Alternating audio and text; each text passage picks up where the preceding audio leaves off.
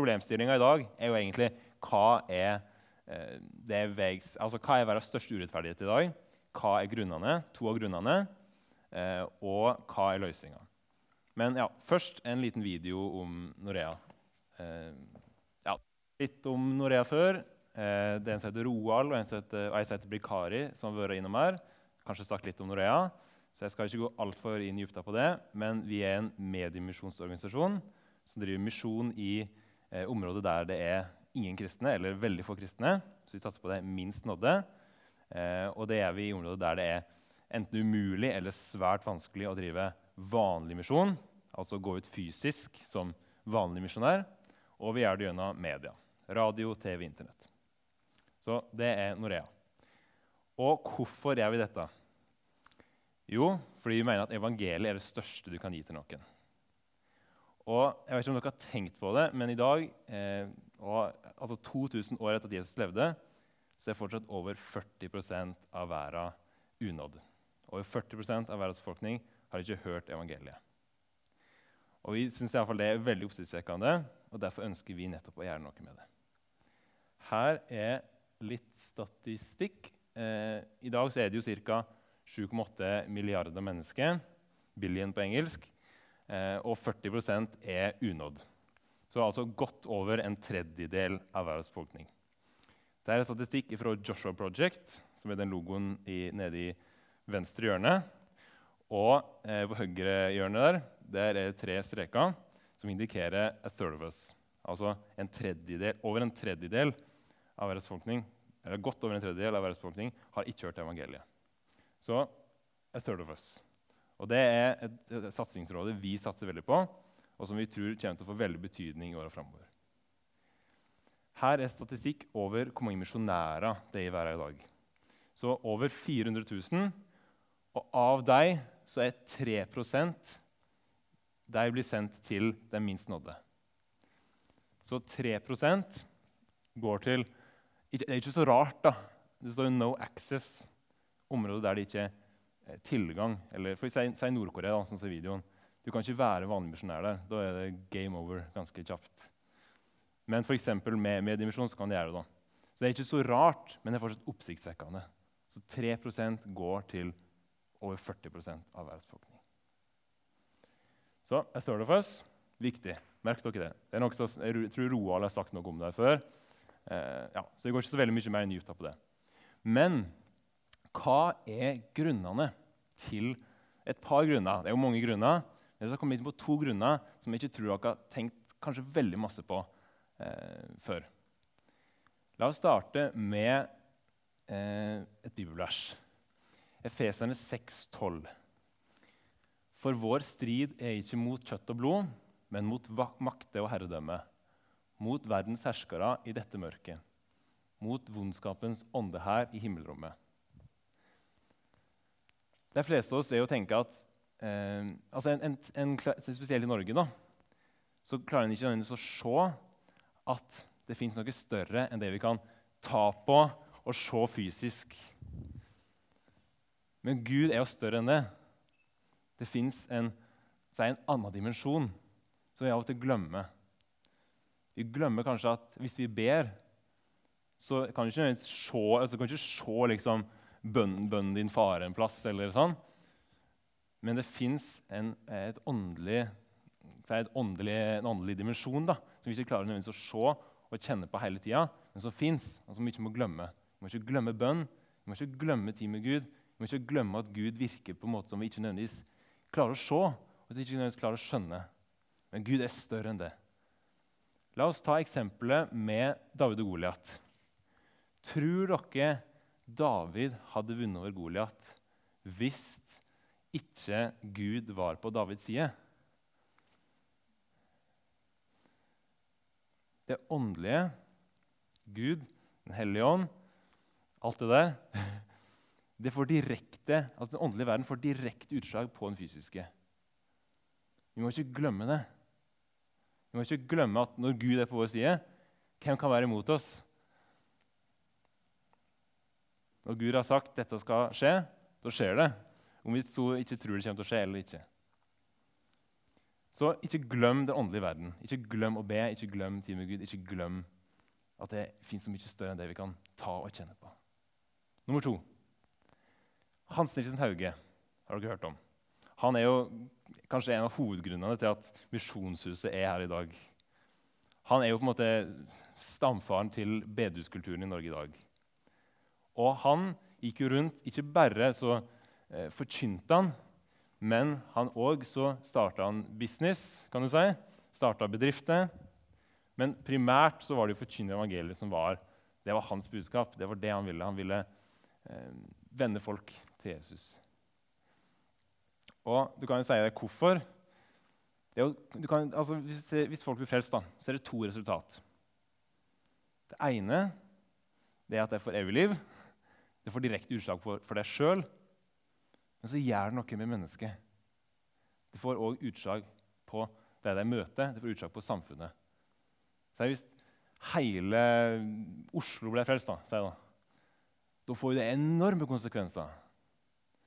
Maria sa det fint her tidligere i veka, når vi skulle forberede hele den greia her, sa hun at eh, forandra liv forandrer samfunnet. Ikke f.eks. det å bygge et sykehus. Så forandra liv forandrer samfunnet. F.eks. hvis du tenker at jeg skal, være, eh, jeg skal gjøre mange gode gjerninger med folk. Jeg skal prøve å skape en god kultur, f.eks. Så vil ikke nødvendigvis det forandre samfunnet. Men tenk hvis du klarer å få deg til å bli frelst. Det er jo da virkelig, da vil du se at, at deg ved å forandre samfunnet altså, gjennom, altså Hvis du klarer å forandre livet der, hvis du klarer å få deg til å bli født på nytt, det er jo da du virkelig ser forandringa. Og Det ser du f.eks. med Hans Nielsen Hauge. Vekkelsen storte, førte til stor økonomisk vekst i Norge. Og eh, hvis en drar det litt videre Dere har sikkert sett det her. Kors er lik hjerte. Men dere har sikkert ikke sett hjerte er lik kors. Jesus er jo tidenes kjærlighetserklæring. Tidenes ja, Det er jo ingen som klarer å måle seg opp mot hans kjærlighetserklæring. Dø frivillig for syndere. Så Jesus er jo på en måte kjærlighet. Men det å vise kjærlighet til folk, er det det samme som å gi deg Jesus? Er det noen som har Bibel, som kan slå opp i Romerne 10-17. Du hadde Bibel, vet jeg.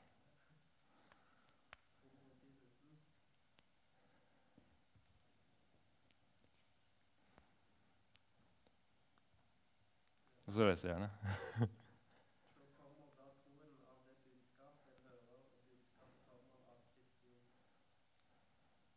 mm. Ordet. Ordet. Elleve av tolv disipler og Stefanus, eller Stefanus ble jo drept pga. trua si. På grunn av, ikke pga. at de var snille og greie eller gode, gjorde gode gjerninger, men pga. trua deres, pga. det dere forkynte. Han her kjenner sikkert noen av dere til. Han heter Andreas Nordli. Han er leder i Ungdom Oppdrag. Dere, kanskje dere kjente han, men dere har i alle fall sikkert hørt sitatet 'Forkynn evangeliet om nødvendig bruk ord'.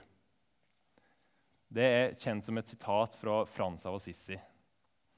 Frans av Assisi var en sånn eh, kirkefar, kan jeg på en måte kalle han. Av, ja, jeg vet ikke om dere, ja, det er ikke så nøye, Men Frans av dere har sikkert hørt navnet. Dere har sikkert hørt sitatet. Og mange altså Det sitatet her er jo, det er jo litt sånn, ja, det, det er et fint sitat. Men altfor mange altså Jeg har blitt forkynt dette her òg. Det er folk som sier at det viktigste og nesten det eneste du trenger å gjøre, det er å eh, gjøre barmhjertighetsgjerninga eller være på en måte være, grei, altså være kjærlig med folk fysisk eller gjøre gode ting med folk. Vise deg eh, ubetinga kjærlighet. da, Så er det det samme som gir deg evangeliet. Men er det egentlig det? Hvis du virkelig er god med folk, har du da gitt deg en sjanse til å skjønne evangeliet? Har du gitt deg ordet, sånn som Paulus skriver i Romerne? Han, Andreas Nordli skrev jo noe om dette her sitatet. Skrev en artikkel om det. Visste dere at på gresk så er vitne, et vitne det er på gresk martys. Dere dere sikkert, tenker dere sikkert med en gang martyr. Det ligner på martyr. Ja, det ligner på martyr. Men martys på gresk det er det samme som å være vitne på norsk. Men hva er en martys på gresk? Hvordan blir martys brukt på gresk? Jo, martys det blir brukt bl.a. hvis du er i en rettssal og skal være vitne. eller det blir primært brukt til det. hvis du skal være vitne i en rettssal. Hvis du skal, hvis du vitne for noen eller mot noen, for den del, da er, er det en martys. Hvis du kommer i en rettssal, hvis du bare er der Hvis du bare er der, Kanskje du, kanskje du er snill og grei, da, eller kanskje du, kanskje du, er skikkelig god med deg du møter i rettssalen og følger alle reglene og smiler og er glad, så er du ikke et vitne for det. jo. Du er ikke en martys. Du må jo fortelle, du må gi ditt vitne. Du må bruke ord. Det er jo da du er en martys, det er jo da du er et vitne. Du er ikke et vitne bare med tilstedeværelse og med gjerninga. Du er et vitne med ord. Og martys, som jeg sa i stad, det ligner veldig på martyr. Og ja, nettopp, martys er grunnlaget for ordet martyr. Så er du en martyr, så dør du ikke pga. Altså, du dør pga. trua di, sant? men du dør ikke pga. at du har vært god og vist gode gjerninger. At du har vært skikkelig Om du så har vist uh, ubetinga kjærlighet, da, så betyr ikke det at du er martys, men det er pga. det du har vitna. Det er det som gjør deg til martys. Det er det som gjør deg til martyr. Så vi må ikke glemme å bruke ord. Vi må ikke glemme at kjærl, altså det å vise gode kjærlighetsgjerninger det er ikke alt. Har vi virkelig gitt folk en god mulighet til å høre evangeliet hvis vi ikke har forkynt det til dem? Det, jeg har blitt forkynt at det viktigste er gode gjerninger. Og ja, vi kan ikke forkynne evangeliet uten gode gjerninger. Men vi kan ikke bare gjøre gode gjerninger. Vi må jo forkynne. Hvis du skal gå til noen i Kristiansand og, for, og tenke at du skal forkynne evangeliet, så kan en ikke bare være god med deg. En må jo, Hvis en virkelig skal gi deg en sjanse, hvis en skal si at jeg har gitt den, den personen en sjanse til å høre evangeliet, så må en bruke ord. En annen historie ja, som, som han eh, som han også poengterer, som han, han, på en måte forandret på sitat, sitatet. da, og sier han, Forkynn evangeliet og bruk nødvendigvis ord. Her er en statue fra Kina. Et konkret eksempel på hvorfor er det viktig å forkynne evangeliet med ord, er fra Kina for ca. 100 år siden. Kina er jo nå et kommunistisk land, har vært det i ganske mange tiår. Men for 100 år siden så var det ikke det. For 100 år siden så eh, Det er en bok faktisk, som heter 'Revolution in World Mission'. Og Her så er det bl.a. skrevet historie fra, eh, fra Kina før sovjettida. Da hadde de drevet masse, masse misjon. Masse misjonærer hadde vært i Kina og gjort masse bra greier. Masse bra misjonsarbeid. Og så var det en kommunistoffiser som kom og møtte en kristen misjonær i Kina.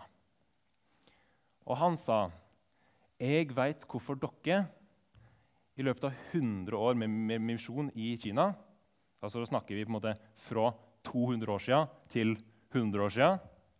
Jeg vet hvorfor dere i løpet av den tida ikke har klart å gjøre Kina, eh, Kina kristent, mens vi i løpet av ti år har klart å gjort at alle i Kina veit hvem Stalin er, eller veit hva kommunisme er for noe. Og hvorfor? Jo, fordi mens dere gikk rundt, gjorde masse bra, gjorde, bygde sykehus, bygde skoler, starta gode bedrifter, viste kanskje ubetinga kjærlighet til ham, så forkynte vi vårt budskap. Vi brukte ord. Vi kanskje hang opp plakater. Kanskje vi sa til folk hva er kommunisme, hva er det gode med kommunisme, er, hvorfor er Stalin en bra person. Det var det vi gjorde. Det er det vi gjør, sa kommunistoffiseren. Og så sa han at, jeg, han sa at i løpet av de nærmeste åra så kommer dere garantert til å bli kasta ut av Kina nettopp pga. kommunismen. Og så så vi det ikke altfor mange år etterpå. I 1949 så ble misjonærene nettopp det. De ble kastet ut av Kina fordi kommunismen tok over. Så vi må ikke glemme å forkynne med ord. Vi må ikke tenke at kjærlighetshandling er alt. Kjærlighetshandlinga er kjempeviktig. Men vi kan ikke glemme at vi faktisk må forkynne. Vi må gi folk en mulighet til å høre hva evangeliet faktisk Hva er Johannes 3, altså Forkynne om Johannes 3, 16, da. Så enkelt. Så hva er problemet? Jo, en tredjedel, over en tredjedel av verdens befolkning har ikke hørt. Og hva er to av grunnene som vi, kanskje, som vi sannsynligvis glemmer altfor ofte? Jo, vi glemmer at verden er så mye større enn det vi klarer å se og kjenne på. Det fins en åndelig verden som vi òg ikke må glemme. Mammon, f.eks., det er en del av den åndelige verden som vi ikke nødvendigvis klarer å skjønne, men som òg virker der. I Afrika for eksempel, så, så merker en det mer til daglig. En merker vonde ånde, en merker at folk er besatt. I Norge så ikke en, en glemmer det. Og så er det at vi faktisk tror, veldig mange tror at bare det å vise kjærlighetshandlinga det er nok til å gi folk en sjanse til å høre evangeliet. Og hva ønsker vi at dere skal gjøre nå? Hva er resultatet? Jo, vi ønsker at dere skal gjøre noe. Og vi i Norea vi ønsker nettopp å forandre dette. her. Vi ønsker å gjøre noe med det. Og Vi samarbeider med bl.a. kanal som heter Sat7 i Midtøsten. Og Vi har veldig tro på mediemisjon i områder der det ikke er mulig å drive vanlig misjon. Så Det er en TV-kanal som sender oss over hele Midtøsten. Kristen TV-kanal. Det driver undervisning, det driver forkynnelse. Begge deler. sant? Det har ikke glemt forkynnelsen. Og Her er en liten video eh, som ble filma i det var Tyrkia. var ikke det? for en måneds tid siden. Kreta for en måneds tid siden, med Harald som jobber i Norea, og så er jeg programleder i Sat7. Forteller historie eh, ja, tusen tilbakemeldinger daglig fra Midtøsten. Han er jo en av veldig mange tusen som har sett på Sat7 og nå har lyst til å døpe seg. Mange har blitt frelst òg. Han har f.eks. lyst til å døpe seg. Tatt imot Jesus. Til slutt for å, for å, være veldig konkret Problemet en tredjedel av verdens befolkning er ikke nådd. Hvorfor? Annet fordi vi glemmer den åndelige verden. Vi glemmer at kjærlighet ikke er alt. Vi glemmer å forkynne ordet. Og eh, her er Ja, det skal jeg jo si. Eh, en annen ting Norea gjør, det er at vi arrangerer turer. Så hvis dere ønsker å kanskje møte folk faktisk fysisk, da, vi tror veldig på mediemisjon, men vi tror òg at du må faktisk møte folk fysisk.